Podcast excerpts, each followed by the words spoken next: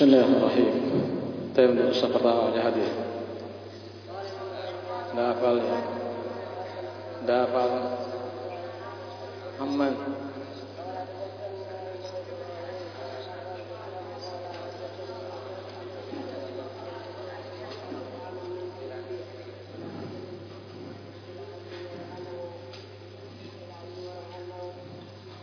درع من حديد درعا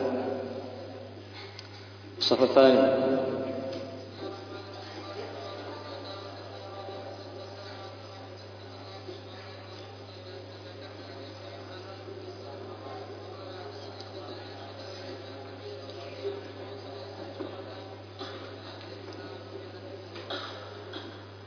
yang belum baca baca hadis.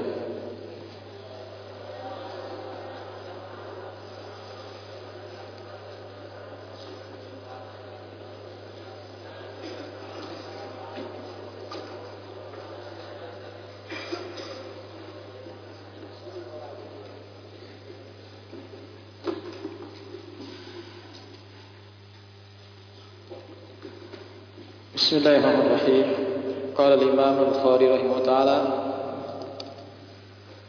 باب من أخذ أموال الناس Bab barang siapa yang mengambil harta manusia Artinya meminjam Yuridu ada'aha Au itlafaha Ia ingin untuk mengembalikannya Atau Membinasakannya Ini tidak mau mengembalikan Bagaimana kalau pinjam ada niatan untuk mengembalikan dan ada yang lain tidak ingin untuk mengembalikan. Qala Imam Bukhari rahimahullah taala Hadatsana Abdul Aziz Ibn Abdullah Al-Waisi wa Abu Qasim Al-Madani dari Madinah.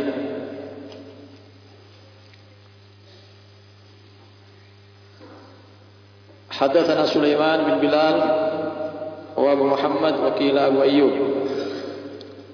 ابو محمد وكيل ابو ايوب المدني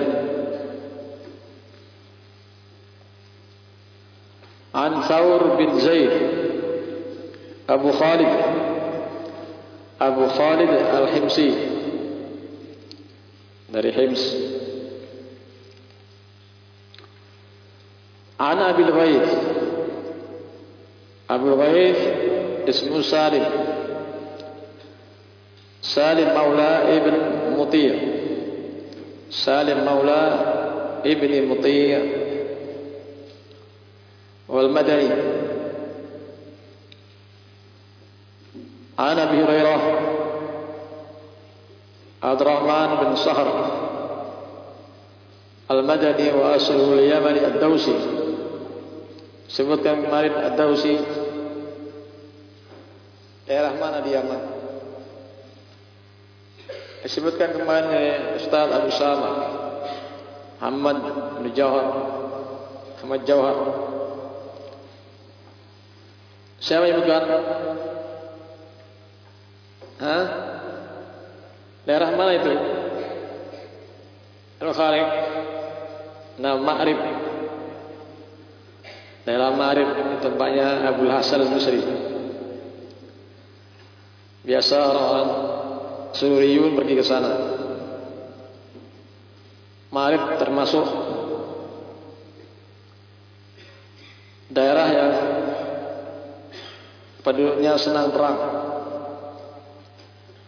Tapi terakhir ternyata dikalahkan juga sama orang Syiah.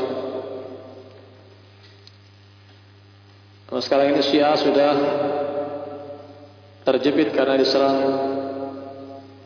oleh persatuan negara-negara Arab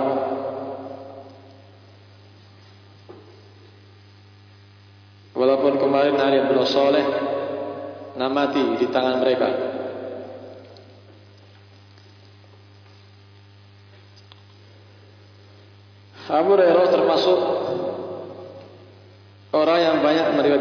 dari Nabi sallallahu alaihi wasallam. Saya Zahabi menyebutkan siapa Yang hafal al-fadu tabaqatun durwatuha Abu Hurairah. Al-hufaz tabaqatun durwatuha Abu Hurairah. Jadi hufaz adalah tingkatan-tingkatan dan yang paling tinggi adalah Abu Hurairah. Beliau bermulazamah bersama Nabi hanya dalam tempoh 3 atau 4 tahun saja. 3 atau 4 tahun. Tapi konsep dalam belajarnya. Di saat orang muhajirin sibuk perdagangan. Di saat orang asal sibuk dengan cocok tanam.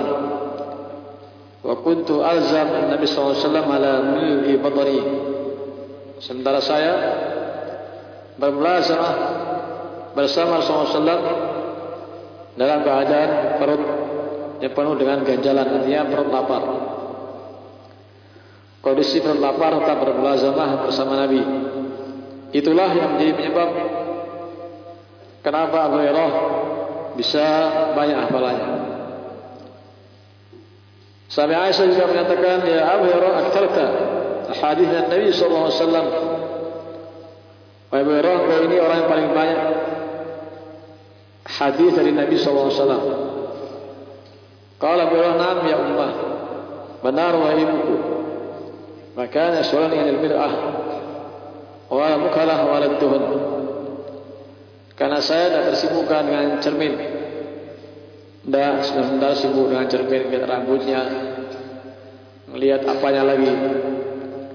Dah sibuk juga dengan celak tidak sibuk juga dengan berminyak mengenakan minyak.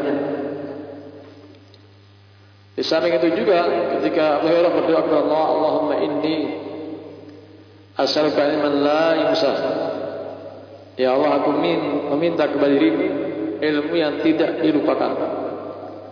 Fa'amanah Rasulullah SAW Rasulullah mengaminkan.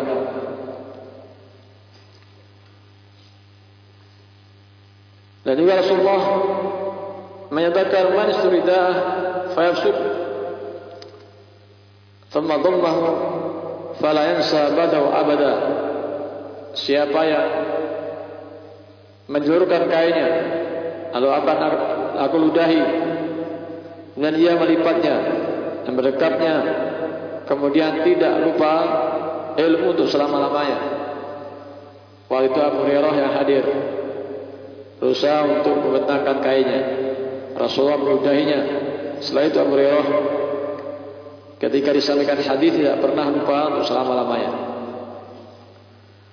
Hal yang lain yang mendorong karena istimewanya Abu Hurairah terus dengan ilmu.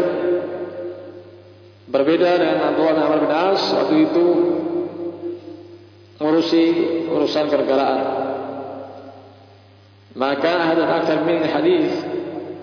من النبي صلى الله عليه وسلم إلا عبد الله بن بن عمر بن عاص فإنه كان يكتب وأنا لا أكتب Tidak ada seorang pun yang paling banyak hadisnya daripada saya kecuali Abdullah bin Amr bin As karena dia menulis saya tidak menulis.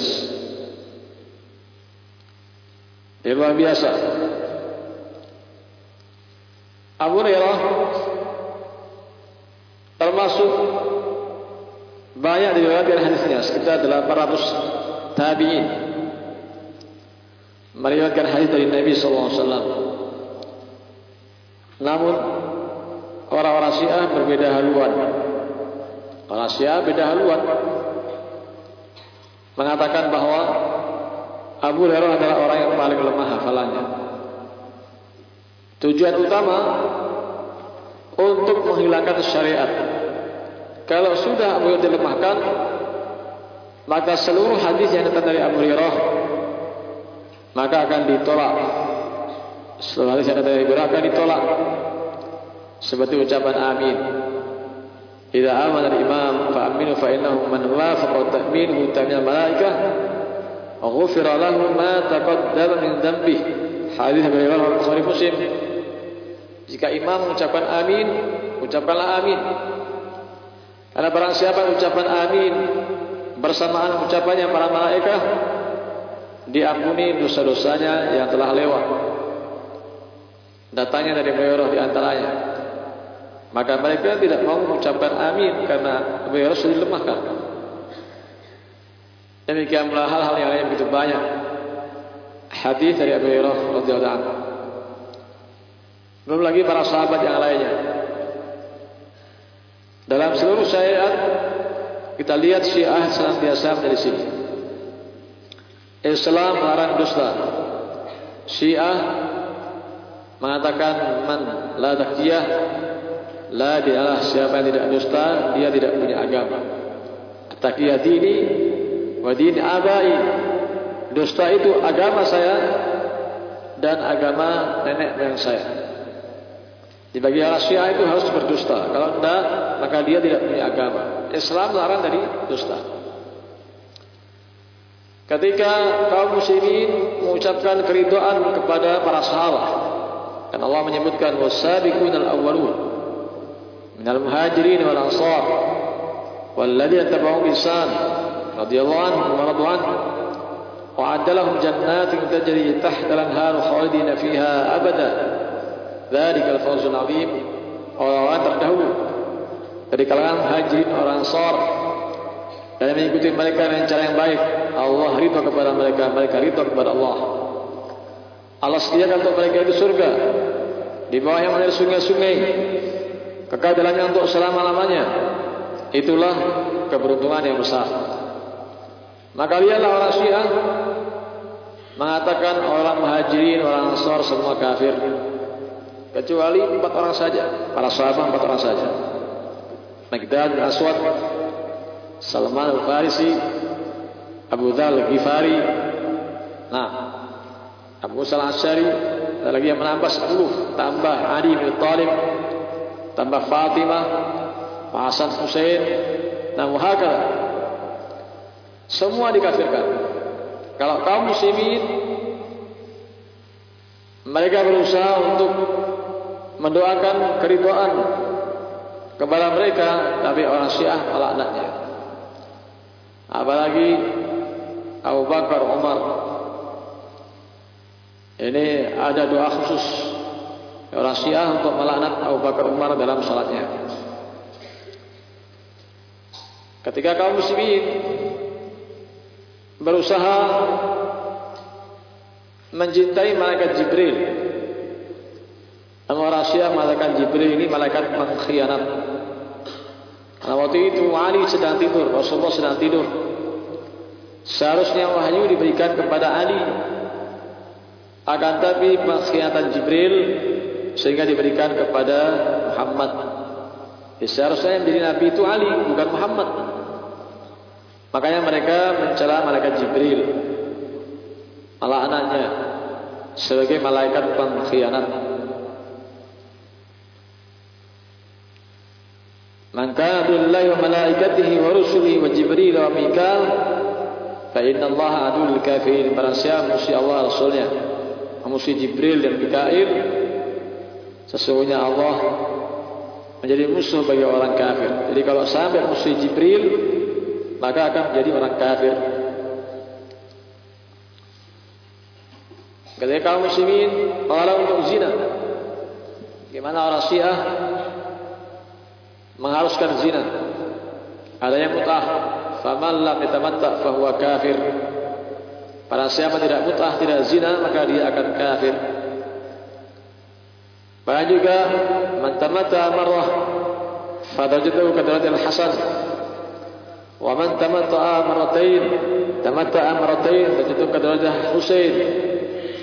Wa man tamatta ثلاث مرات فدرجته كدرجة علي بن أبي طالب ومن تمتع أربع مرات zahamani fil jinan siapa yang mutah sekali yang zina sekali kedudukannya sama dengan Hasan bin Ali bin Thalib siapa yang mutah dua kali kedudukannya sama dengan Husain bin Ali bin Thalib siapa yang mutah berzina tiga kali kedudukannya sama dengan Ali bin Thalib siapa yang mutah empat kali maka dia akan berdesak-desakan dengan saya di surga gabung Rasulullah SAW Tapi bagaimana kalau tiap hari mutah? Ha, orang Syiah. Lebih tinggi kedudukannya kalau begitu dari Rasulullah SAW. Itu jelas batil. Bagaimana mereka memuliakan Rasulullah SAW tapi orang Syiah tidak memuliakannya. Maka mengatakan Nabi masuk surga tapi kemaluannya masuk neraka. Ya, aneh pada aneh. Nabi masuk surga kemaluannya masuk neraka. Kenapa? Karena menikahi perempuan-perempuan musyrikat yaitu Aisyah dan Hafsah. Perempuan-perempuan musyrikat katakan. Ketika Al-Quran Nah kaum muslimin berusaha untuk mengakukan Al-Quran Bahkan masih murni Masih orisinil, masih asli Tidak ada perubahan, tidak sebagaimana Injil dan Taurat Mereka berusaha merubah Dengan tangan-tangannya Tapi Al-Quran tidak bisa Tapi orang Syiah mengatakan Bahawa lebih dari 2000 ayat Al-Quran ini sudah rusak Artinya sepertiga Al-Quran ini sudah rusak di antara kerusakan Al-Quran bahwa ketika Rasulullah SAW menyebutkan nama nama orang-orang munafik, sembilan orang munafik yang dirahasiakan oleh Rasulullah SAW dikabarkan kepada Hudzaifah. Nama ada yang mengatakan sembilan sembilan. Tapi nama-nama ini ada dalam Al-Quran. Akan tapi tidak dicantumkan. Itu bukti sudah rusaknya Al-Quran. Nah semakin hari orang Syiah ini semakin berkembang, semakin banyak. Ayah syahid, Masya Allah. Mereka berlomba-lomba untuk menebarkan kebatilan. Jadi kaum muslimin hendaknya semangat dalam menyebarkan al-haq. Jangan menjadi pemalas. Dakwah Allah Azza wa Jalla.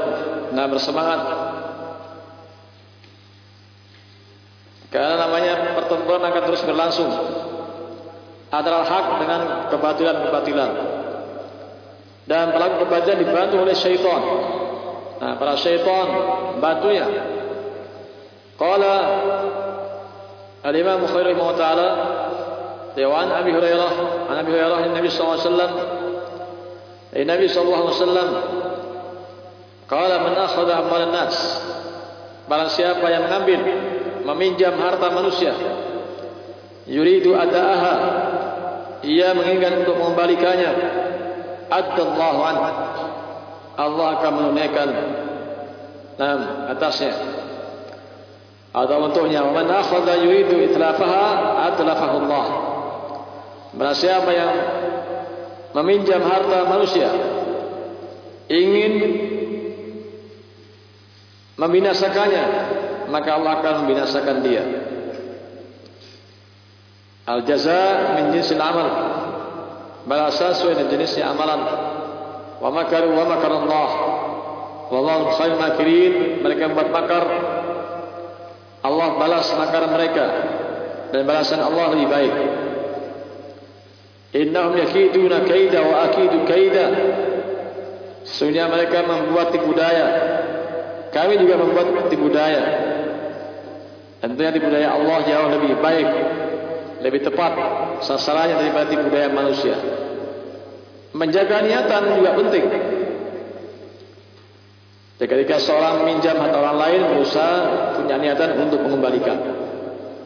Kalau saya tiba-tiba meninggal dunia tapi sudah ada niatan Nah insya Allah Eh belum mampu. Insya Allah berusaha untuk mengembalikan.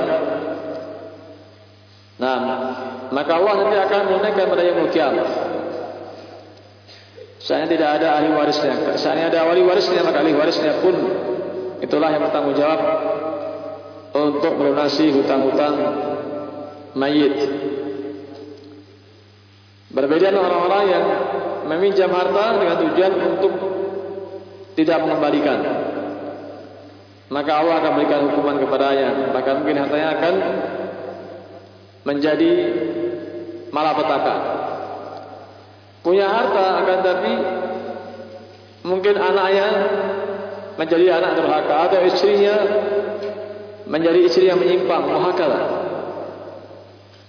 Dicabut barokah harta yang diperlukan dengan cara yang batil. Dan masih ingat bagaimana para sahabat terdahulu berusaha untuk menjauhkan dari hal-hal yang diharamkan Makanya beliau sebagai pondasi utama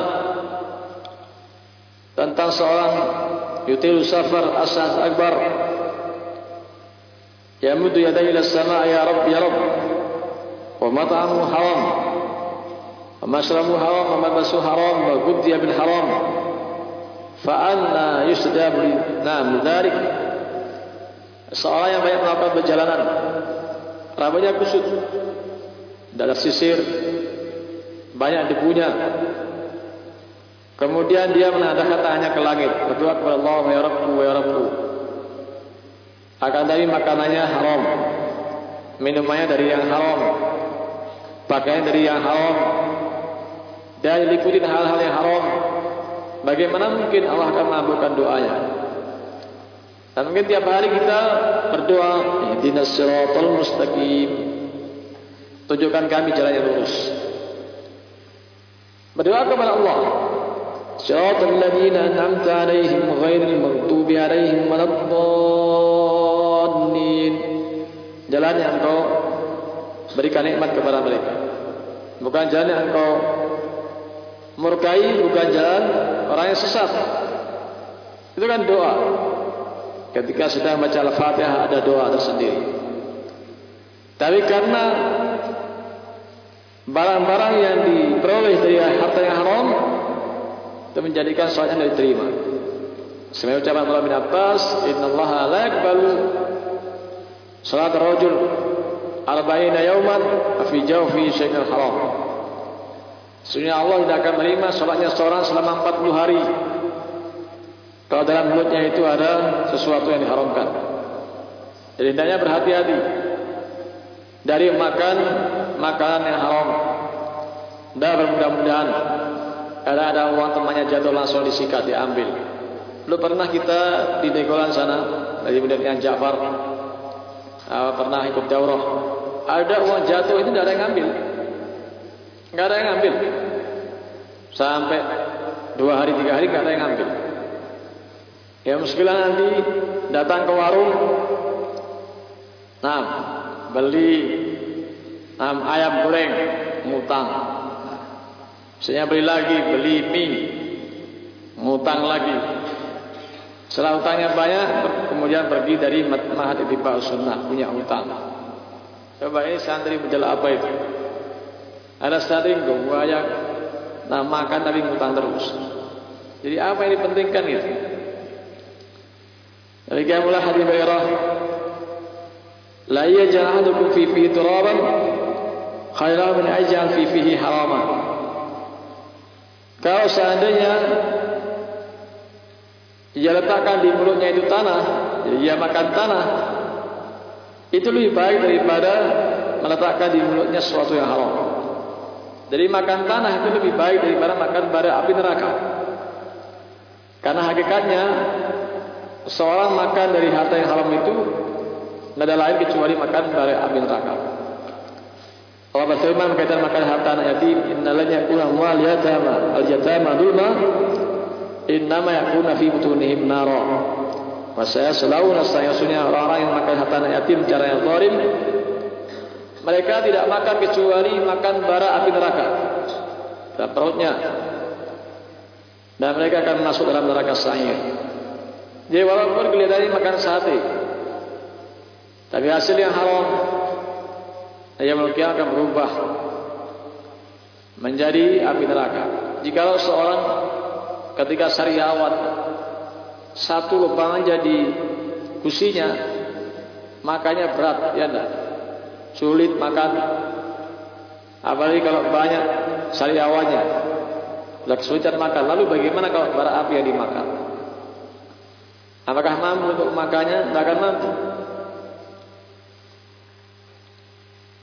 Maka juga ketika seorang pinjam kemudian sudah mampu untuk mengembalikan segera dikembalikan. Saya sebutkan di Hurairah, umat Mabani zulmun memperlama untuk melunasi hutang bagi orang yang sudah punya kecukupan itu kezaliman. Jadi jangan sampai nanti kita sudah beli barang mampu untuk mengembalikan tapi terus kita jadikan untuk bisnis. Nah kita putar lebih dahulu biar banyak keuntungannya. Seperti itu termasuk bentuk kezaliman. Demikian pula mungkin ketika nyewa rumah, dari tempati, jangan tunda-tunda. Sudah punya kemampuan segera bayar, ah, bayar sewa, wahakala.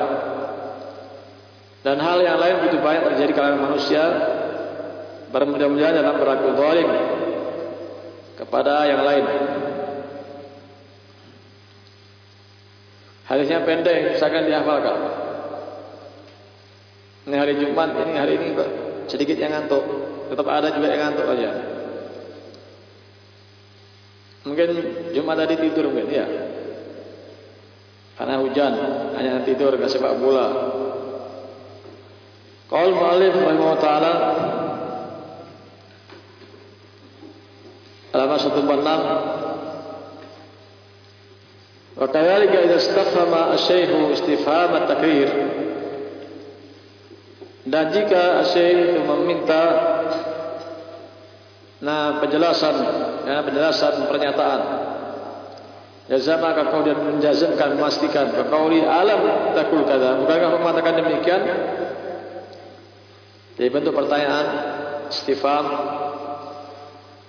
wa alaysa muraduka kada Bukankah maksudmu itu demikian? Fala yubadir birad alaihi biqaulillah. Maka jangan langsung membantahnya dengan mengucapkan tidak. Aw ma huwa muradi atau itu bukan kemauan saya. Bal yaskut. Maka hendaknya diam. Salah ketika dikatakan oleh gurunya Bukankah kamu kemarin pulang? Tidak Ustaz, saya tidak pulang Ya, gurunya jangan langsung dibantah. Saya mungkin diam sebentar. Aw yuri an dzalika bi kalamin latif. Atau di semacam menyebutkan sesuatu dengan ucapan yang lembut. Ya paham syekh. Nam qasdahu minhu. Sehingga syekh pun memahami maksudnya atau tujuannya. Fa illam yakun buddun min tahriri qasdihi wa qawlihi tapi kalau memang mengharuskan untuk uh, menjelaskan tujuan dan juga ucapannya falyakul fa'al an aqulu kada akan dia mengatakan maka sekarang saya ucapkan demikian. Jangan sampai langsung mengatakan tidak. Itu bukan kemauan saya. Sebenarnya santri Masya Allah itu. Jadi ketika dengan ustaznya dengan syekhnya misalnya dengan gurunya luar biasa. Jadi menjengkelkan. Kalau gurunya enggak sabar sudah kamu pulang aja itu untuk apa kamu di sini?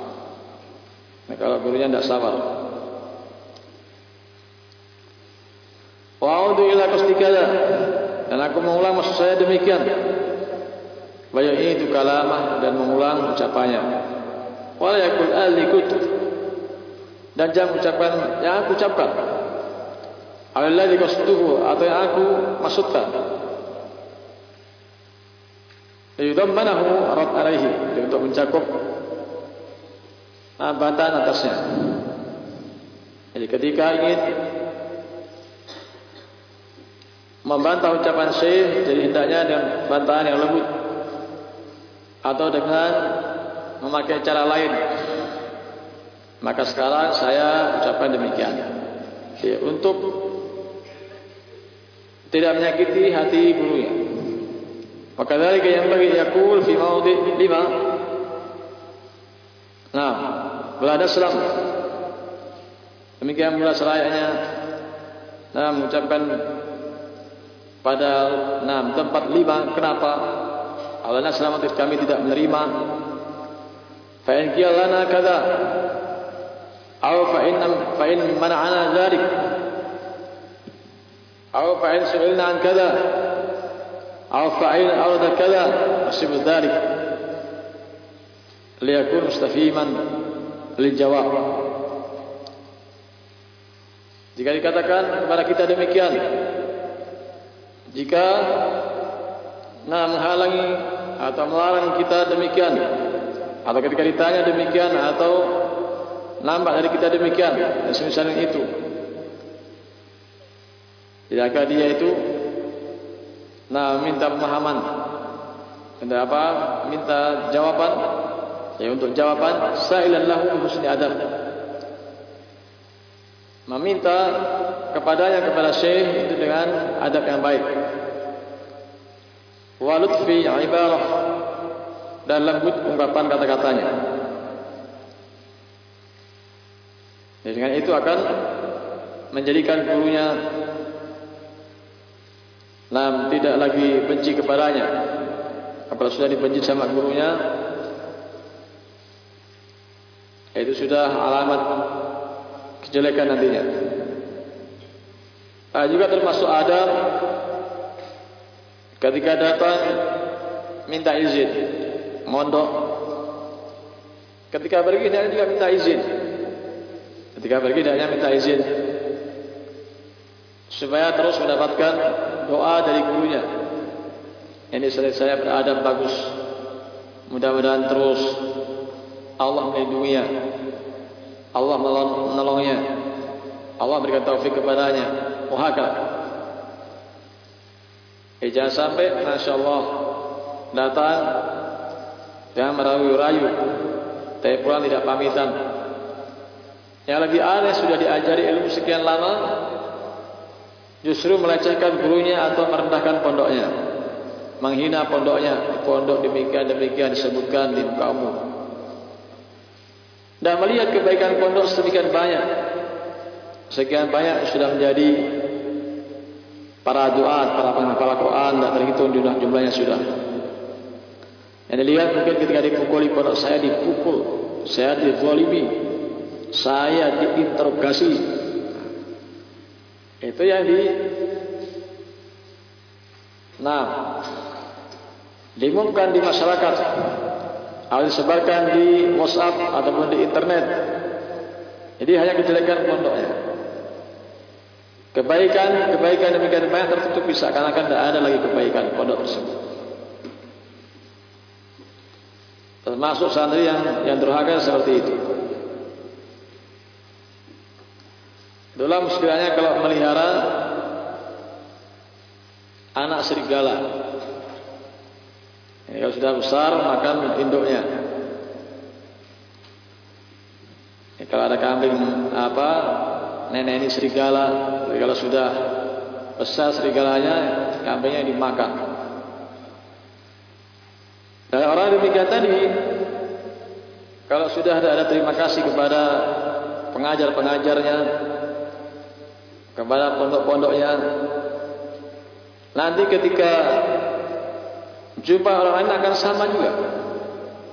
Akan terus membuat kacauan. Akan terus membuat keributan. Belum ada kesempatan kalau ada kesempatan nanti akan saling sikat menyikat. Teman kita dulu membuat kasus di belakang batu misalnya. Masa bersatu padu untuk menjatuhkan satu lahat di sana. Dan dikatakan tidak punya ilmu apa lagi. Salah terjadi bentrok perselisihan yang rumit waktu itu. Sampai nyatakan para masyai untuk berdamai dan bisa akhirnya pisah. Begitu pisah orang-orang yang dulunya gabung bentrok lagi. Perselisihan lagi Maka sebagian ustaz ketika sujud kepala ini dipegang-pegang. Ustaz apa ini? Ustaz apa? Nah, kepala dipegang sama santri-santrinya, dihinakan. Bagaimana dulu juga kita masih ingat di zaman di awal-awal sebenarnya Yasin Adani itu tidak suka dengan Rahman Adani. Enggak suka. Ketika kasusnya sama untuk menjatuhkan Syahaya bagaimana? Akhirnya bersatu. Yasin Hadani dan para pengikutnya, Brahman Hadani juga berikutnya bersatu padu. Begitu sudah di markis Uyu sana, ternyata bentrok Yasin Hadani dengan Rahman Hadani. Sampai itu diusir. Yasin Adani diusir dari sana. Demikian pula ketika Hanif Break dulu sama-sama menjatuhkan saya dan juga Rahman Adani. Akhirnya juga pecah sendiri-sendiri. Sampai Rahman Adani ditembak ketika hendak sholat zuhur sampai mati. Bagaimana dulu Syekh Ubaid Al-Jabri menyanjung Hanif Break, menyanjung Rahman Adani dan lain-lainnya. Terakhir mengatakan Rahman Adani layas tadri sejak panas untuk mengajar. Liana mughafal dengan orang-orang linglung, orang linglung, orang lalai. Tidak panas. Padahal dulu lisannya setinggi langit. Demikian pula Hanif Burai dikatakan ini Yaman akan berubah menjadi negeri Ahlus Sunnah. Nah, bagaimana Hanif Burai memimpin untuk menanamkan dustur, undang-undang negeri kafir. Undang-undang buatan apa? Negeri kafir. Itu sistem demokrasi. Nah Yaman al-Janub Yaman Utara. Dipertahankan. Belum lagi selfie belum lagi foto dengan perempuan. Belum lagi yang lainnya sampai akhirnya ditahdir Masya Robi ditahdir sama Syekh Ubaid habis itu Syekh Ubaid rujuk lagi Jadi bertempur sendiri-sendiri. Tasawuf jami'ah maka Wa kulub musatakan kira itu bersatu padu tapi hatinya berpecah belah.